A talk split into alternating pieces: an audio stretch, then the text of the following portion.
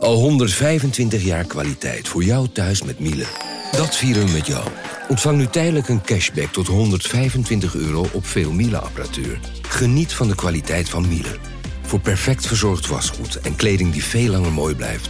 Voor een stralend schone vaat, even perfect als jouw diners. En een stofvrij thuis waarin echt hygiënisch schoon de standaard is. Check miele.nl voor alle feestelijke aanbiedingen. Hey podcastluisteraar. Ook op zoek naar een relevante invulling van je schaarse luisteruren? Tune dan in op de podcastserie ESG, even samengevat van BNP Paribas. Wij, Marloes en Aldert, spreken daar duurzame voorlopers en wereldverbeteraars. Waarover dan? Nou, bijvoorbeeld of we ooit duurzaam kunnen gaan vliegen. En waarom koeien in de stad nou een goed idee is? Dat en meer elke twee weken in een nieuwe aflevering. Dus abonneer je. ESG, even samengevat.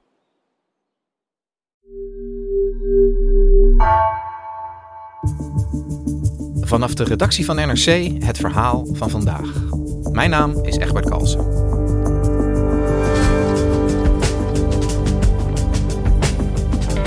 Vanuit het Westen wordt de invasie van Oekraïne door Rusland hard veroordeeld. Ruslands andere grote buur, China, kijkt heel anders naar het conflict. China-correspondent Gary van Pinksteren ziet dat Xi Jinping en Poetin elkaar vinden in een ongemakkelijk bondgenootschap. Hoe ver kan Rusland gaan zonder de steun van China te verliezen?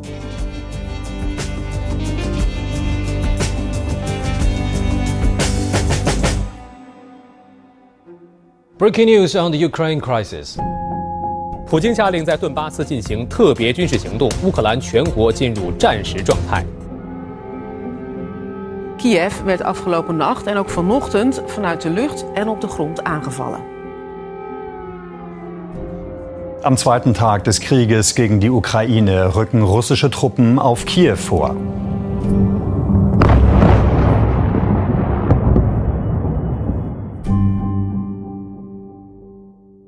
Gary, wij zitten hier eh, in Europa sinds vorige week met een oorlog aan onze oostgrens. Sinds de invasie van Rusland in Oekraïne is er eigenlijk een constante stroom met nieuws over dit conflict. Jij zit eh, aan de andere kant van Rusland, in China. Hoe wordt er daar aangekeken tegen wat er hier gebeurt? Nou, heel anders uh, dan in het Westen. Het is wel zo dat mensen het heel erg volgen. Daar was zelfs, uh, las ik, een hashtag die heel populair is en die heet Wuxing Gongzuo. Nou, dat klinkt als uh, ik kan me niet concentreren op mijn werk, maar dat karakter Wu klinkt ook als het eerste karakter van Oekalan. En Oekalan is de Chinese naam voor Oekraïne. Dus het is eigenlijk een grapje, een woordspeling op doordat dit nu in Oekraïne gebeurt, kan ik me niet concentreren op mijn werk. Dus dat geeft wel aan hoe dit uh, in China ook leeft en ook op sociale media sterk leeft. Men, men, men volgt het ook in grote spanning. Maar mensen kijken er wel heel anders tegenaan. Want wij zien Rusland als de agressor. Maar in China zegt de overheid: nee hoor, de NAVO heeft dit uitgelokt. Die willen zo graag naar het oosten uitbreiden. Rusland voelt zich daardoor met zijn rug tegen de muur gezet en dat heeft dit allemaal veroorzaakt. En wordt het, wordt het in China ook als een bedreiging gezien, dit conflict? We hebben het hier heel erg over oorlog in Europa en we voelen echt dat, dat de vrede onder druk staat. Wordt dat ook zo beleefd in China? Nee, hier niet. Er wordt niet gesproken van oorlog. Er wordt ook niet gesproken van een Russische invasie. Eigenlijk neemt China de termen die Rusland gebruikt om dit conflict te omschrijven over. Dus het is een soort technische militaire actie, maar geen invasie en zeker geen oorlog. Dus China hanteert een heel ander vocabulaire dan, uh, dan Amerika en Europa uh, hanteren als het gaat over dit conflict tussen Rusland en Oekraïne. Uh, China en Rusland, dat, zijn dat bondgenoten van elkaar? Steunen ze elkaar traditioneel ook in dit soort conflicten die ze dan hebben met de rest van de wereld? Bondgenoten is een te sterk woord, maar ze zijn de laatste jaren wel, elkaar wel steeds meer genaderd in deze zin. Ze treden steeds meer uh, gezamenlijk op. Ze geven steeds meer ook vooral ideologische steun aan elkaar. Uh, en dat is niet zo gek, want ze delen ook eigenlijk een, eenzelfde ideologie. En de kern van die ideologie is misschien wel dat ze zeggen: het Westen heeft zijn beste tijd gehad. De westerse instituties hebben hun beste tijd gehad. Uh, het moet nu ook eens uit zijn met de westerse dominantie van de wereld. En wij hebben een alternatief model, wat eigenlijk moderner is en beter is dan wat het Westen heeft. En wij hebben alle recht om dat model te gebruiken en om dat model uh, ook in te voeren. En om in ieder geval in de gebieden waar wij de belangrijkste partij zijn, om daar ook uh, volgens onze normen en waarden op te treden. En kan jij iets zeggen over hoe die twee landen uh, naar elkaar toegegroeid zijn? Sinds wanneer speelt dat? Hoe is dat gegaan? Nou, het zijn geen het zijn traditioneel niet de warmste vrienden hoor. Er is denk ik onderling een enorme achterdocht. Ze vertrouwen elkaar niet. Ze hebben een hele aparte geschiedenis met elkaar ook. In eerste instantie wel hebben ze gedeeld uh, dat ze communistisch werden. China was daarin eigenlijk de kleine broer van Rusland heel lang. Uh, Rusland heeft uh, China ook geholpen om communistisch te worden. Toen is er een grote breuk geweest in de jaren 60 tussen China en Rusland. En die is eigenlijk pas weer, dat, dat ze echt weer tot elkaar komen, is echt een kwestie van de laatste jaren pas. Ze doen het dus uit zeer pragmatische redenen, maar niet omdat ze houden van de Russen of geloven in de Russen. En tegelijkertijd zijn ze er wel van overtuigd dat zij een betere uh, manier hebben om uh, landen te besturen dan, dan het Westen en Amerika. Wij zouden dat hier een, een totalitaire ideologie noemen. Hoe kijken zij daar zelf tegenaan? Nee, nee, nee, dat is helemaal geen totalitaire ideologie, zegt, zegt de president hier. Nee, dat is juist een hogere vorm van democratie. Het is namelijk een democratie waarbij de bevolking wel degelijk wordt geraadpleegd. Uh, maar niet via dat achterlijke stemmen wat jullie doen. Want dat achterlijke stemmen leidt er ten eerste toe dat je dus leiders krijgt die heel erg uh, op de gunst van het publiek moeten spelen. En die bovendien vier jaar later weer weg zijn. Dus die in die zin uh, nogal impotent zijn. En wat wij hebben is met de consultatie die we wel degelijk hebben met het volk en de manier waarop wij het volk vertegenwoordigen hier in China, maakt dat wij een veel efficiëntere maatschappij hebben. Uh, waarmee je uiteindelijk veel meer harmonie in de maatschappij hebt en waarmee je veel verder komt. Het is een soort hyperdemocratie, een superieure vorm van democratie, uh, waar het Westen niet aan kan tippen.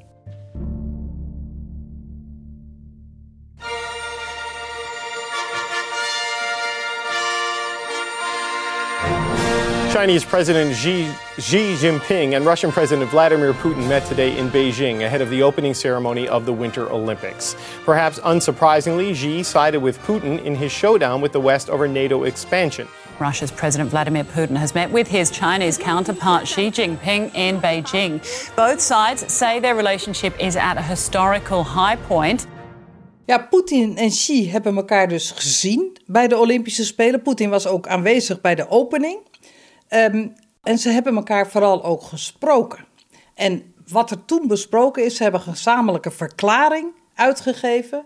En daarin is ook bijvoorbeeld gesteld die, die uitbreiding van de NAVO, wat zij zien als een uitbreiding van de NAVO richting het oosten, keuren zowel China als Rusland af. En dat brengt die samenwerking dichterbij. Het maakt ze meer uh, medestanders van elkaar, meer bondgenoten, al zijn ze dat officieel niet. En jij zei net al, ze delen de, de blik die zij hebben op de NAVO. De manier waarop de NAVO uh, in het westen uh, zeg maar steeds verder naar het oosten is opgeschoven. Um, toch is China niet een uitgesproken voorstander van hoe Rusland opereert, zei je net zelf al. Ze stellen zich neutraal op. Maar staan ze nou feitelijk eigenlijk wel achter Rusland in zo'n internationaal conflict als dit? Of hoe, hoe moeten we dat zien? Uh, ze zullen Rusland in ieder geval praktisch gezien steunen. Maar een moeilijkheid voor China is dat China altijd zegt: we willen de soevereiniteit van staten willen we respecteren en moeten we respecteren en moet iedereen in de wereld respecteren. Dat is het onderliggende principe van al ons buitenlandbeleid. Dus een enorm belangrijke bouwsteen van het buitenlandbeleid al jaren.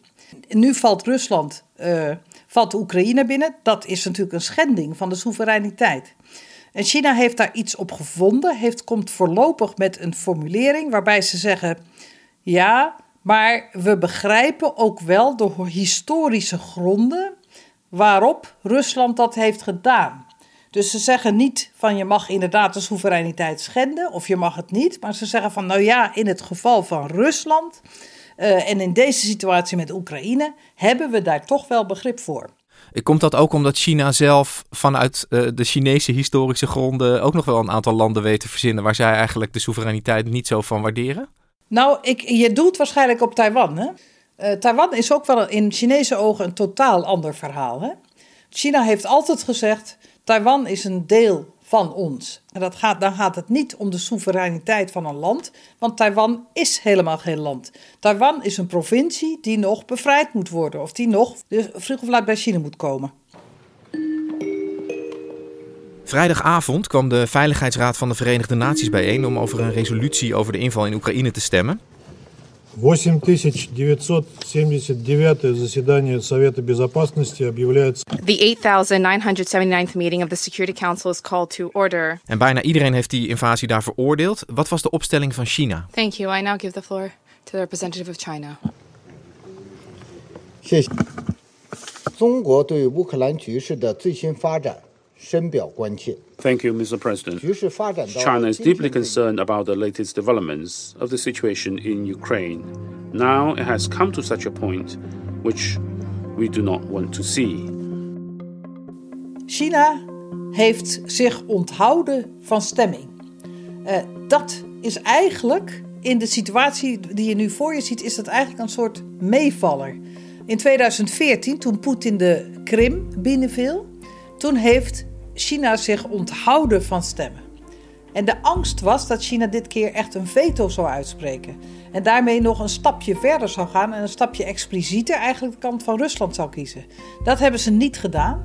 Dus China hecht er in ieder geval voor het moment nog waarde aan om zoveel mogelijk toch een, in ieder geval op het oog, neutrale positie in dit conflict te handhaven.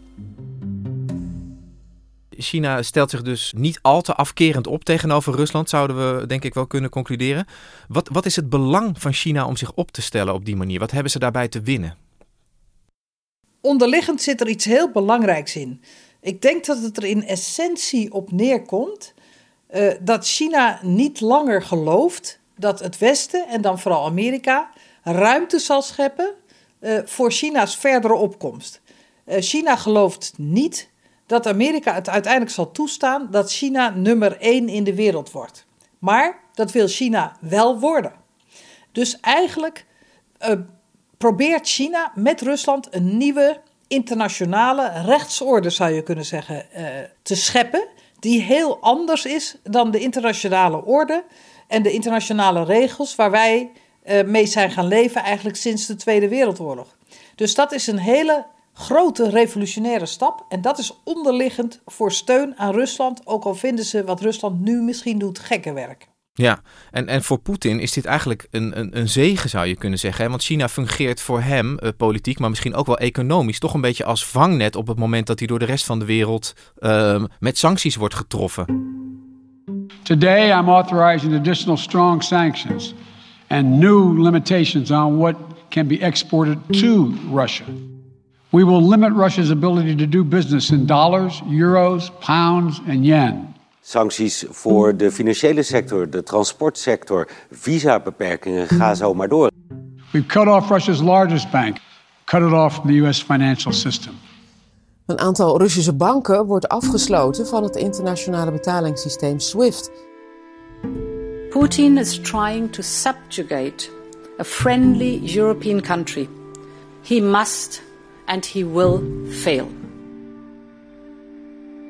Is dat een bewuste keuze van China? Uh, gaan zij ook op economisch terrein nu een deel van de, van de markt waar Rusland niet meer terecht kan in het Westen uh, overnemen van hem? Gaan zij zijn afzetmarkt vormen? Nou, ze, er zijn in ieder geval tekenen dat ze bereid zijn om de sancties voor Rusland te verlichten. Hè? Waar zie je dat in? Uh, er is al uh, eerder is er een overeenkomst gesloten tussen Rusland en China dat al het Russische graan zonder meer China in mag. Uh, maar de bekrachtiging van die overeenkomst hebben ze dan bekendgemaakt precies op de dag dat Rusland die invasie is begonnen. Dus daar, daar zou je van kunnen zeggen, dat is dan, het kan toevallig zijn, maar het, misschien is het helemaal niet zo toevallig en is het een teken van wij blijven Russisch graan of wij blijven Russische producten afnemen. Wat ook heel uitzonderlijk is, is dat er in China veel banken zijn die natuurlijk zowel met Rusland als met Amerika en het Westen zaken doen.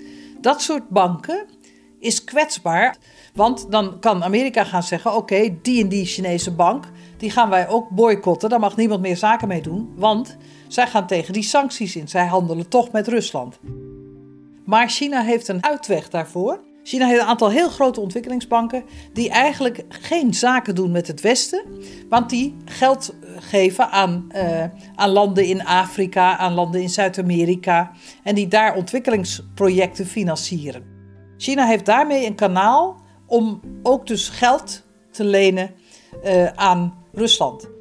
Ja, dus, dus ze kiezen er eigenlijk voor, hè, jij noemde dat net al een beetje, die nieuwe wereldorde. Ze kiezen er heel nadrukkelijk voor om waar het Westen Rusland probeert te raken, uh, zij eigenlijk een soort strohalm of misschien nog wel meer zijn voor Poetin. Ja, ik denk het zeker. Uh, kijk, China heeft ook gezegd, dat, dat hebben ze al als principieel punt gemaakt. Ze hebben gezegd, wij geloven sowieso niet in het middel van sancties. Uh, kijk naar wat er eerder voor sancties geweest zijn. Uh, wat Amerika heeft ingesteld, heeft nooit ergens toe geleid. is nooit effectief geweest. Um, maar een beetje in stilte en op de achtergrond zullen ze waarschijnlijk meer doen. Niet met wapens, niet met soldaten, dat is ook nergens voor nodig. Maar financieel en economisch zullen ze zeker Rusland steunen. Daar waar Rusland het zwaar zal krijgen door zoiets als zo'n dure oorlog. Gary, jij schetste mooi dat de onderliggende agenda uh, van China en eigenlijk ook wel een beetje van Rusland is om de positie van nummer 1 in de wereld over te nemen. Voor het Westen is dat een heel ingewikkeld verhaal volgens mij. Hoe harder wij Rusland van ons ontvremen, des te groter de kans dat China en Rusland erin slagen om dat grote machtsblok tegenover het Westen uh, te formeren. Hoe, hoe wordt daar in China tegen aangekeken? Nou ja, ik denk dat China daar ook wel een beetje mee in zijn maag zit. Hè? Uh, de eindstrategie mag dan zijn van wij willen nummer één worden en het Westen is, is achterhaald. Maar uh, op het moment heeft China er toch niet per se zin in om bijvoorbeeld de Europese Unie tegen zich te krijgen. Want ze hebben dan het gevoel dat ze een oorlog moeten voeren eigenlijk op twee fronten, namelijk met de VS en de Europese Unie. Kijk, China wil graag dat Europa zo neutraal mogelijk blijft en in het ideale geval Chinese kant ziet, maar dat zien ze wel niet zo snel gebeuren. Maar in ieder geval neutraal blijft. En daar kan dit een, uh, een negatief effect voor hebben. Maar hoe China die afwegingen moet maken, het is voor China ook een heel moeilijke kwestie. Wat wel fijn is voor China, zou je kunnen zeggen, is dat, kijk, als het Westen en, uh, en Rusland hier op elkaar knallen in de Oekraïne, brengt dat waarschijnlijk schade toe, zowel aan het Westen als aan Rusland, economisch gezien. Terwijl China rustig uh, zou kunnen blijven uh, doorgroeien. En doorgroeien is een groot woord, want met de Chinese economie gaat het op het moment ook niet zo goed. Maar het zou in ieder geval de Chinese stabiliteit, of de Chinese die relatieve positie ten opzichte van, van Rusland en Amerika, sterker maken. Ja, het is wel fascinerend dat zo'n conflict uh, om Oekraïne, uh, economisch, maar ook geopolitiek en zelfs ideologisch, zulke enorme grote uh, consequenties heeft. Hè? De, de halve wereld is met een, met een balanceeract bezig en China dus ook op zijn manier. Dat schetste je net mooi. Is het denkbaar dat Rusland uiteindelijk een grens overgaat waarop China moet gaan zeggen: nee, maar dit gaat voor ons ook te ver en nu trekken wij onze handen ook van Poetin af? Het is moeilijk te zeggen waar die grens precies zou liggen. Uh, want ik denk dat als Rusland heel Oekraïne inneemt, dat, dat ze dan voor China de grens niet overgaan. Hoezeer China daar ook niet voor is dat Rusland dat doet. Um, als ze daarna nog een aantal andere landen in Europa innemen, ik vraag me af of dat voor China een grens een, een, een grens te ver is. Ik denk dat het voor China pas te ver zou gaan als zij zelf grensconflicten krijgen met Rusland. En ik denk niet dat dat snel zal gebeuren op dit moment, in deze politieke constellatie. Gary, dankjewel voor deze Chinese blik op het uh, Oekraïne-conflict. Graag gedaan. Je luisterde naar vandaag, een podcast van NRC. Eén verhaal, elke dag. Deze aflevering werd gemaakt door Wijken van Koolwijk en Stef Visjager. Dit was vandaag, morgen weer.